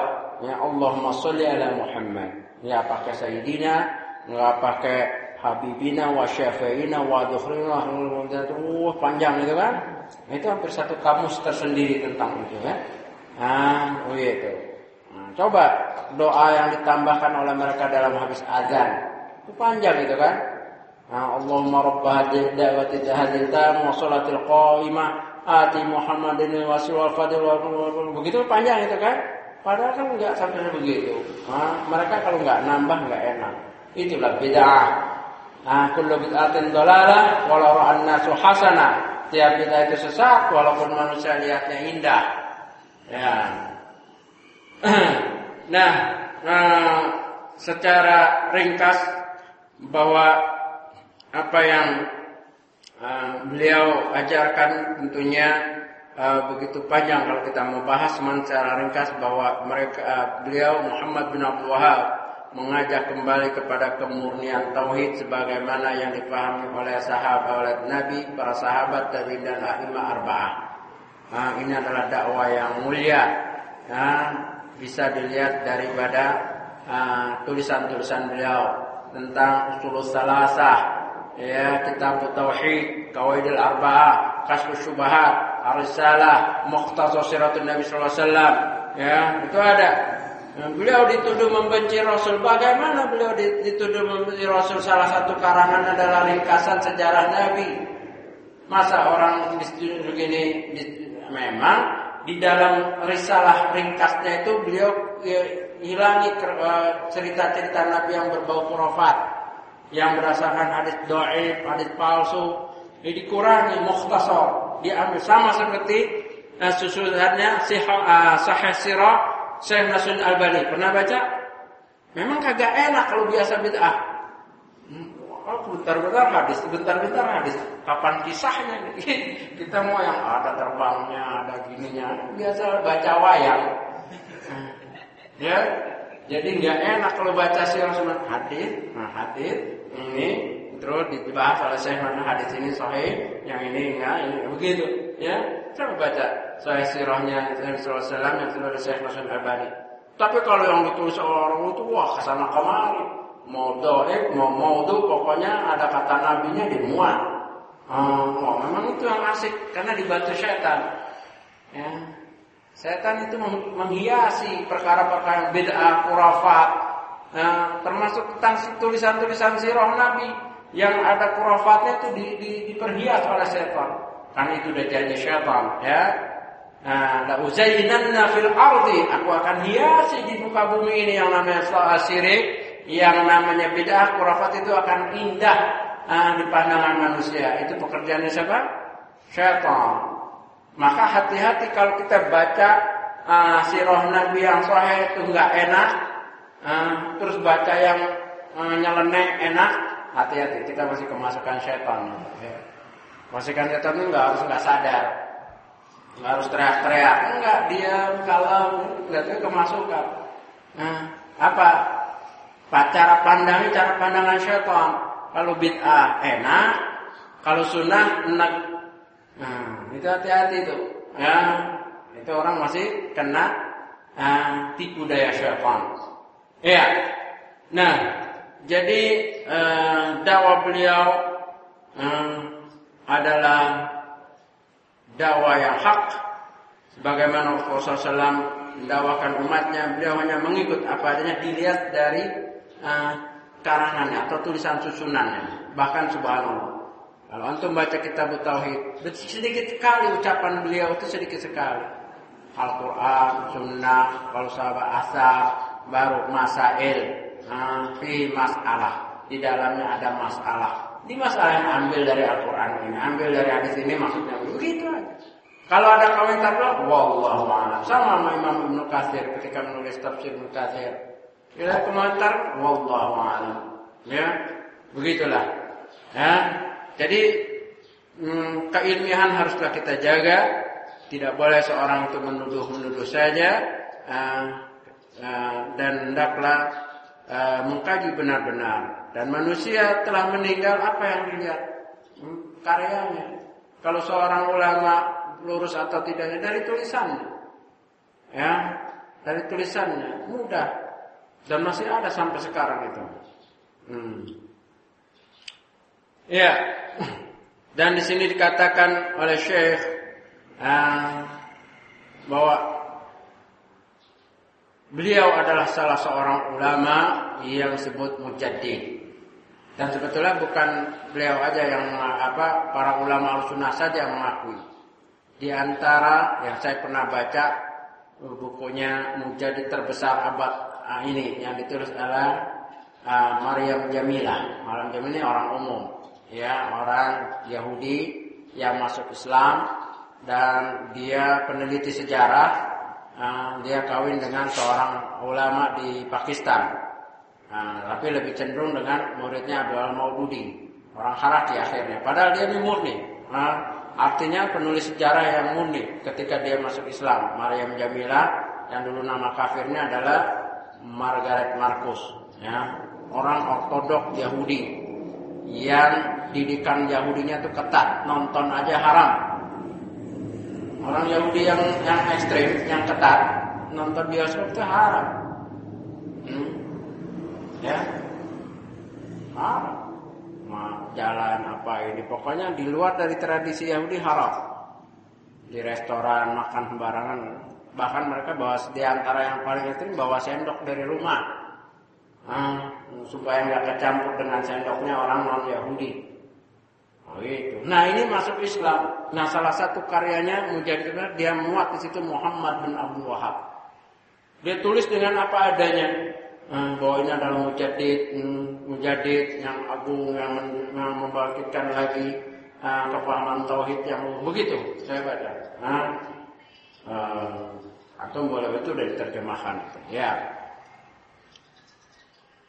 ya, tuduhan-tuduhan uh, kepada uh, Syekh Muhammad bin Abdul Wahab. Satu yaitu salah satu kalimat tuduhannya udah penjelekan adalah kalimat Wahabiyah. Itu udah cukup untuk menjelekan. Karena orang akan menyamakan dengan Wahabi yang sesat yang dulu. Ya begitu efektifnya nah, tuduhan mereka itu ya. Yang kedua juga hadis rawat Al-Bukhari yang tadi saya katakan di mana doa Nabi Syamina wa fi yamanina. Qalu wa fi najdina. Qala min huna yatlau qarnu syaitan syaitan. Uh, rawat Bukhari hadis uh, bahwa Nabi berdoa ya Allah berkailah kami uh, di negeri Syam, di Yaman ya. Dan para sahabat di Najd hmm, dan dari sinilah akan muncul uh, tanduk syaitan, fitnah. Maksud Najd di sini adalah Najd di Irak. Uh, tetapi musuh-musuh uh, dakwah uh, Muhammad bin Abdul Wahab menyatakan bahwa Imam Abu Wahab itu dari Najd yang telah di warning oleh Nabi dengan hadis ini. Uh, mereka menyangka yadunu ba'dun nas anna nazil warid fil hadis wa nazil hijaz mereka menyangka Najd dalam hadis ini adalah di Hijaz. Nah, ini adalah kesalahan yang besar. Lianna Najd warid fil hadis wa Najd fil Iraq. Lalu uh, sebagaimana dalil di bawah ini. Tidak ada tiga atau beberapa dalil yang menandakan bahwa Najd di sini adalah Najd di Irak. Ya, ini bukan tempat kelahirannya Muhammad bin Abdul Wahab. Irak, jauh. Nah, beliau di Hijaz. Ya, jadi tuduhan itu tidak berdasar. Hmm. Hadis ya diriwayat Muslim uh, di mana Rasulullah SAW menyatakan innal fitnata taji'u min hahuna. Uh, yaitu uh, di uh, di Irak itu. Nah, begitu juga apa yang dinyatakan oleh Al-Khattabi Najd uh, min jahatil masyriq uh, wa man kana fi Madinah kana nazd badiyatil Iraq. Nah, di sekitar Irak. Itu sudah dalil-dalil semua menolak bahwa Muhammad bin Abdul Wahab bukanlah yang diancam oleh doa Nabi yaitu karena syaitan yang akan muncul di Najd. Karena Najd yang dituju oleh Nabi adalah Najd yang di Irak. Dan di Irak kita tahu ya berapa yang muncul.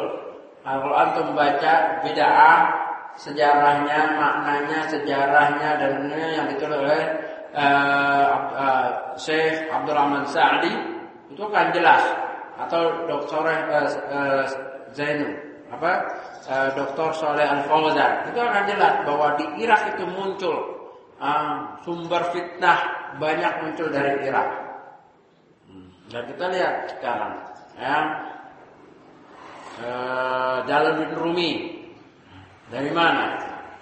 Torekot, hmm, Syiah, itu munculnya di sana. nah ini adalah uh, beberapa um, poin yang untuk menjelaskan uh, bahwa dakwah Muhammad bin Abdul Wahab adalah dakwah yang hak karena beliau mengembalikan apa yang telah dibawa oleh Rasulullah SAW dan beliau adalah seorang mujaddid dan untuk lebih jauhnya tentunya hendaklah kita merujuk kepada kitab-kitabnya. Di antaranya Syekh Utsaimin menyarankan kepada kita hendaklah kita menguasai usul salasah, tiga prinsip dasar dalam Islam. Kemudian kitab tauhid, kasyfus syubhat, ya, mukhtasar sirah Nabi SAW itu untuk mengenalnya. Jadi enggak sembarangan. Kita juga ya tentunya uh, kalau kita mendengar dan ingin mendakwakan kita harus bisa menjawab, ya kan? Karena banyak keluarga kita, teman-teman kita yang jahil yang memukul rata gitu. Terus kalau kita juga nggak bisa punya data, ya menjawabnya apa? Akhirnya pokoknya, wah pokoknya nggak sesat, wah pokoknya sesat, saling-saling pokoknya. Dua-dua pokoknya sesat, yang satu pokoknya nggak sesat. Hmm, maka kita juga harus ilmiah minimal telah membaca kitab-kitabnya atau Utaib nah, nah, karya-karya beliau. Ya, hmm, nah inilah uh, beberapa poin saja yang tentunya tidak selesai semua. Kalau antum mau merujuk, hmm, ada satu kitab bagus, mudah-mudahan sudah diterjemahkan uh, yang ditulis oleh uh, Syekh Muhammad uh, Jamil Zainu, Jamil Zainu. Ini sekarang sudah doktor kalau salah eh, dakwah Syekh Muhammad bin Abdul Wahab eh, antara orang-orang yang menolaknya, orang yang eh, menerima ya tengah-tengah dan orang yang benar-benar menerimanya ya. Itu mudah-mudahan sudah diterjemahkan karena tidak mungkin kita bahas semua di sini. Wallahu a'lam. Ya, mudah-mudahan bermanfaat untuk kita semua dan ini hanya sekedar sekelumit kecil saja ya, dari luasnya dakwah beliau karena beliau mengikuti dakwah yang begitu luas dari Nabi Muhammad SAW. Ya, tentunya saya harap yang hadis ini tidak akan puas dengan kajian ini dan itulah sifat uh, ini yang tidak pernah puas sampai mati. Nah, baru selesai. Kalau udah mati baru selesai. Ya. Jangan pernah-pernah puas dengan satu kajian dua kajian. Nah itulah tugas antum untuk mengkaji lagi, mencari sumber-sumber tadi yang disebutkan. Ya, kalau perlu punya, nah, sehingga bisa bahas di rumah, ya, bisa diskusikan dengan teman-temannya, bisa sebagai pegangan. Ya, wallahu alam. Demikian saja. Kalau ada soalan silahkan beri uh, bisa ditanyakan. Kalau mampu saya jawab, kalau tidak uh, kita serahkan kepada yang lebih ahli yang lebih mengetahui.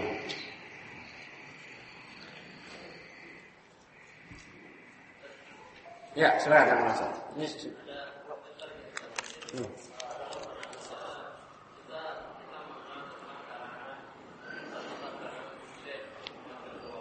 Ya. Ya.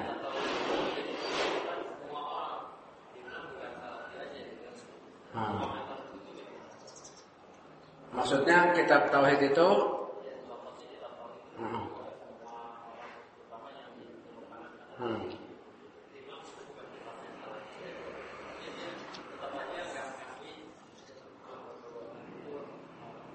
Iya, ya kita benar Pak.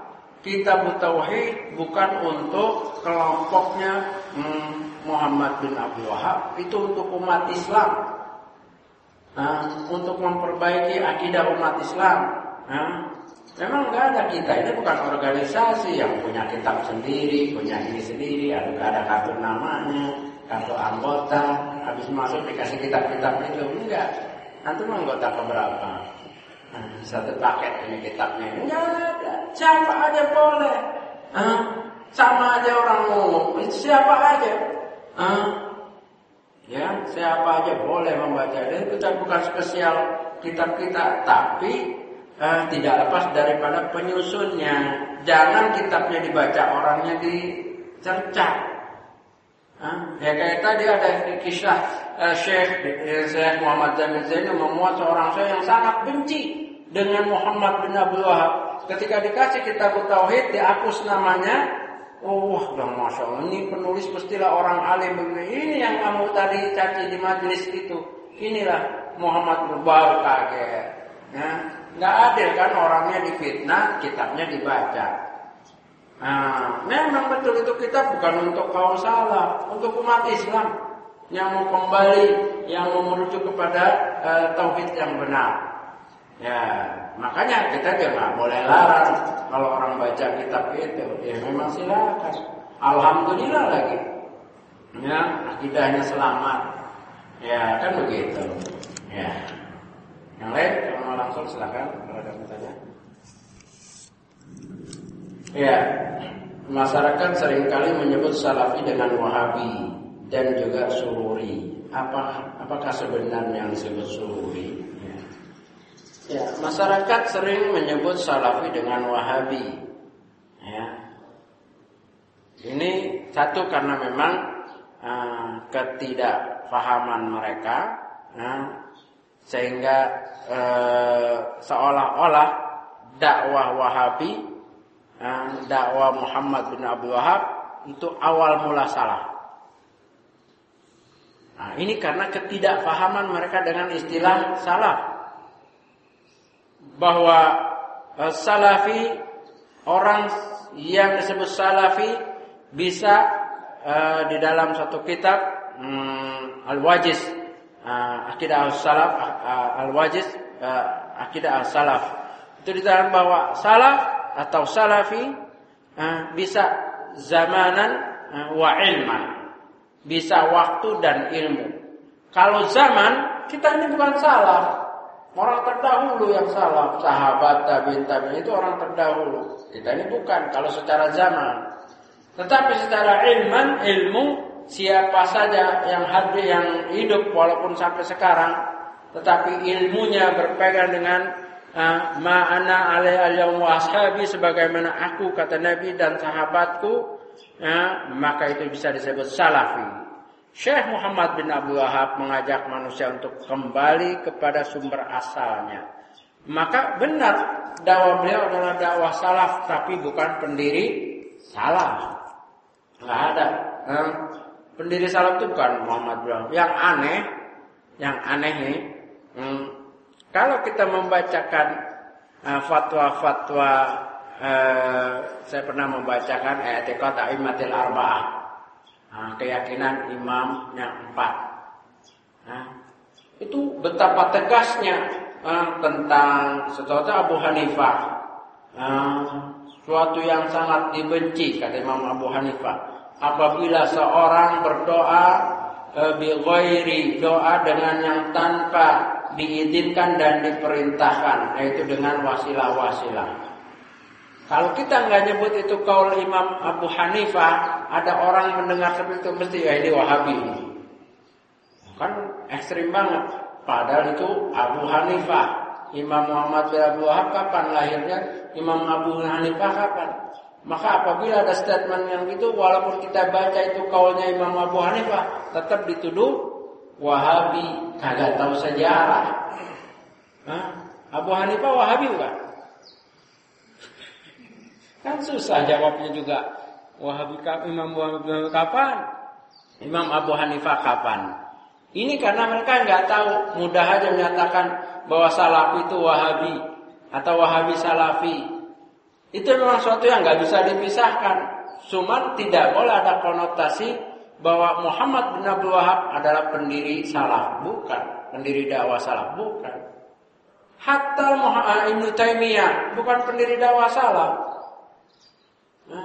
Dia hanya mengingatkan umat untuk kembali kepada manhaj salaf soleh. Nah, begitu ya. Nah, terus eh, bagaimana dengan sururi? Apakah sebenarnya yang disebut sururi? Ah, sururi ini terkenal, terdengar ketika ada ya, tokoh yang bernama siapa? Zainal Abidin As-Surur. Orang yang dari Ikhwan Muslimin taubat terus ngaji ke Syekh bin Bas, Syekh Utsaimin, ya secara akidah benar. Cuman balik lagi ke markas ke negerinya dia menyebarkan akidah salah tanpa meninggalkan harakahnya. Jadi fatwa Syekh bin Bas, Syekh Utsaimin tetap dipakai dalam majalah-majalahnya, dalam tulisan, dalam khutbah-khutbahnya, dalam pembinaannya. Tapi sistem pergerakannya mirip seperti Ikhwan Muslimin tapi tidak uh, tapi telah terkeluar dari ikhwan muslimin. Nah, ini yang disebut salafi haraki. Nah, sururi.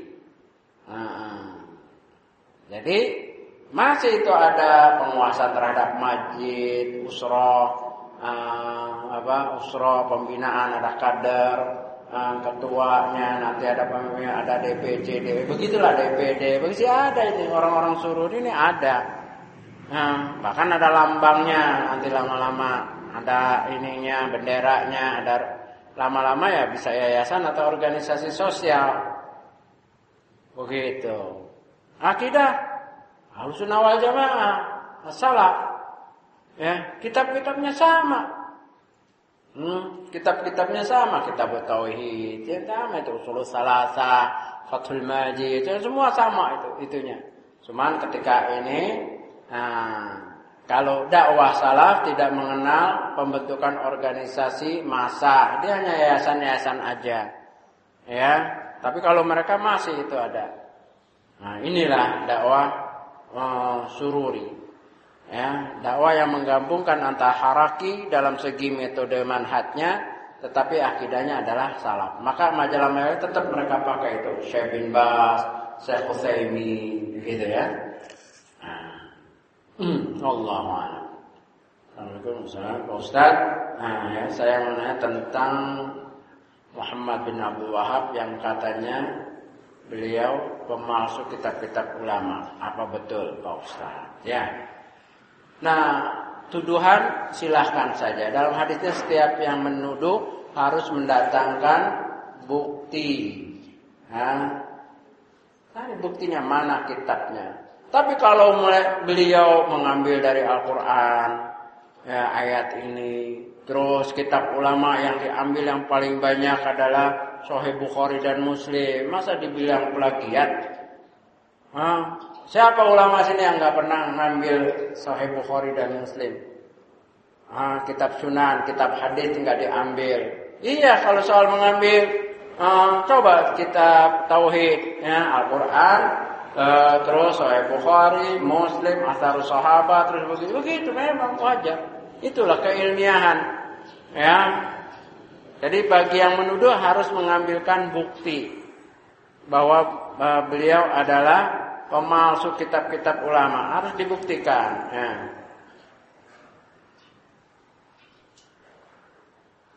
Ini saya bertanya dari buku yang pengarangnya Syekh nah, apa di Idram.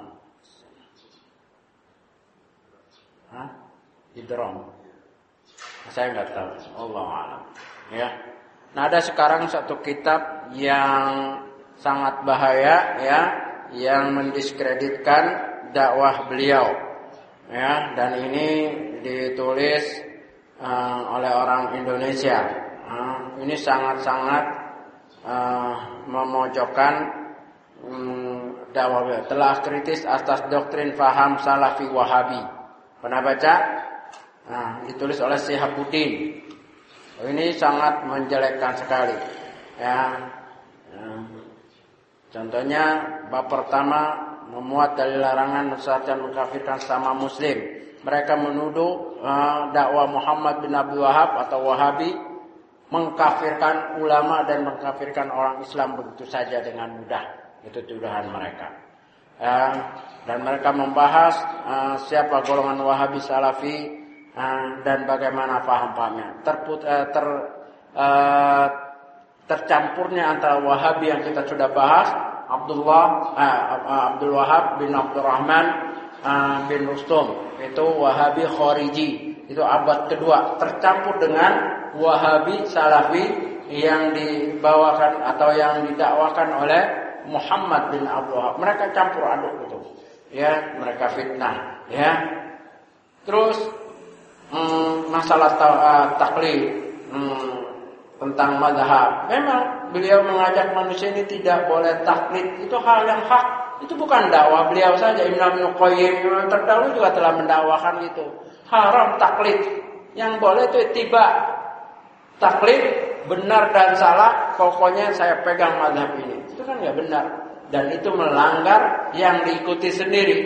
Melanggar hmm, apa yang di statementkan oleh Imam Abu Hanifah, Imam Syafi'i, Imam Ahmad, uh, Imam Malik. Mereka menyatakan indah sahal hadis bahwa madhabi.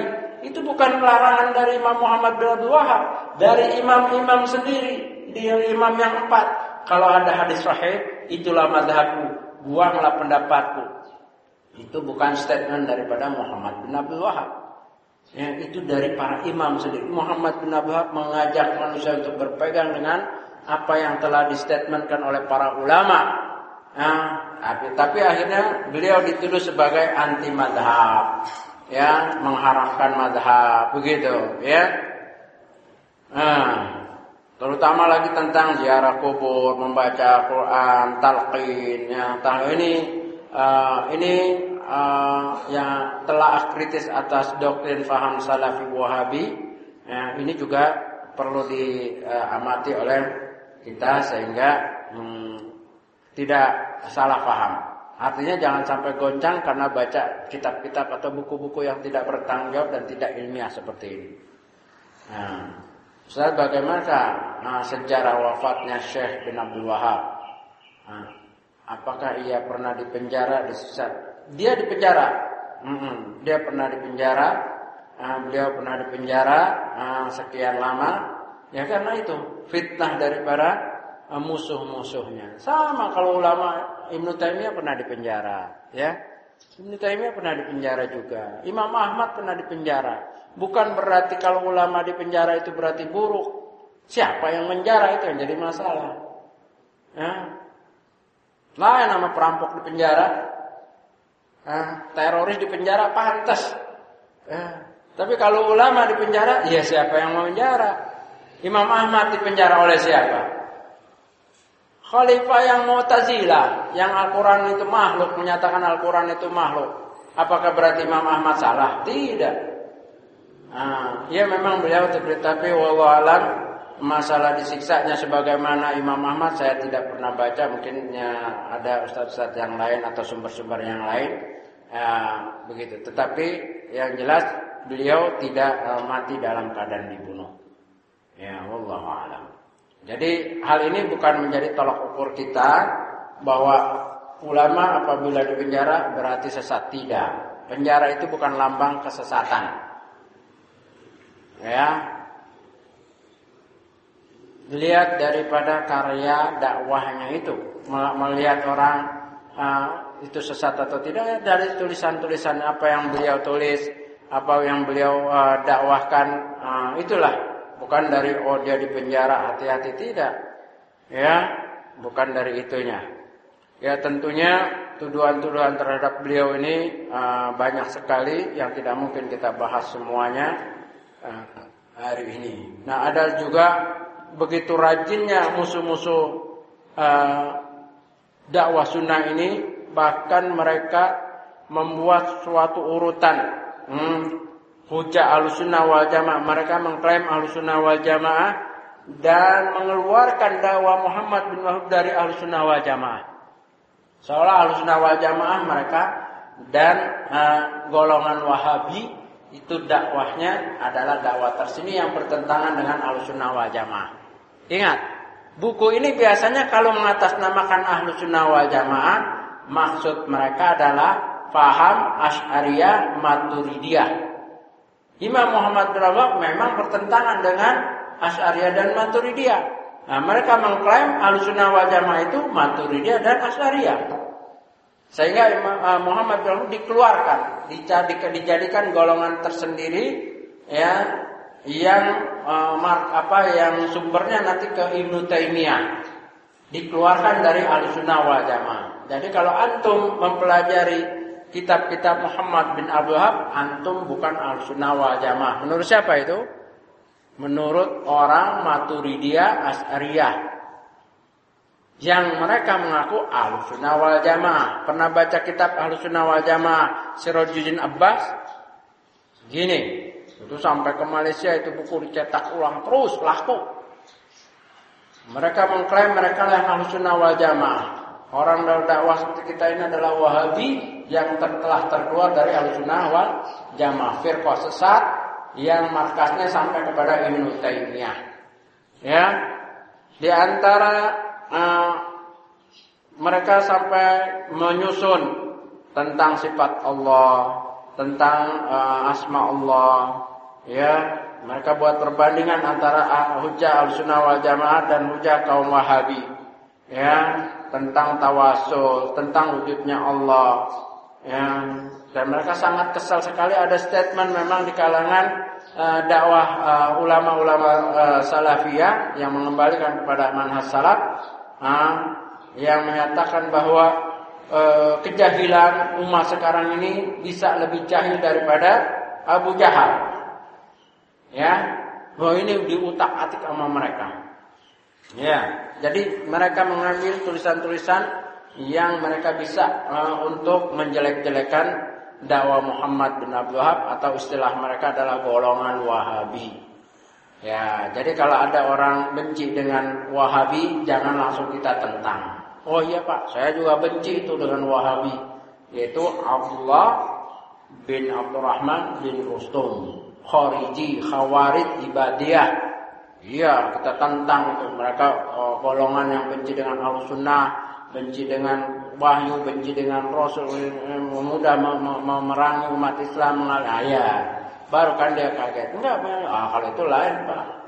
Nah, kalau itu Muhammad bin Abdul Wahab dakwahnya begini begini begini. Nah itu kita harus eh, ikuti pak. Itu harus kita pegang dakwahnya. Itu ya itulah pentingnya kita membaca sejarah. Wallahu alam ya. Hmm, sudah cukup? Saya rasa cukup ya. Hmm. Ya, sementara kita cukupkan saja wallahu alam. Mudah-mudahan hal ini bermanfaat untuk kita dan apa yang salah ya tentunya ya, tidak lepas dari kesilapan manusia dan dilupakan saja dan apa yang hak itu dari Allah Subhanahu wa taala. ومقوم به أشهد أن لا إله إلا الله السلام عليكم ورحمة الله وبركاته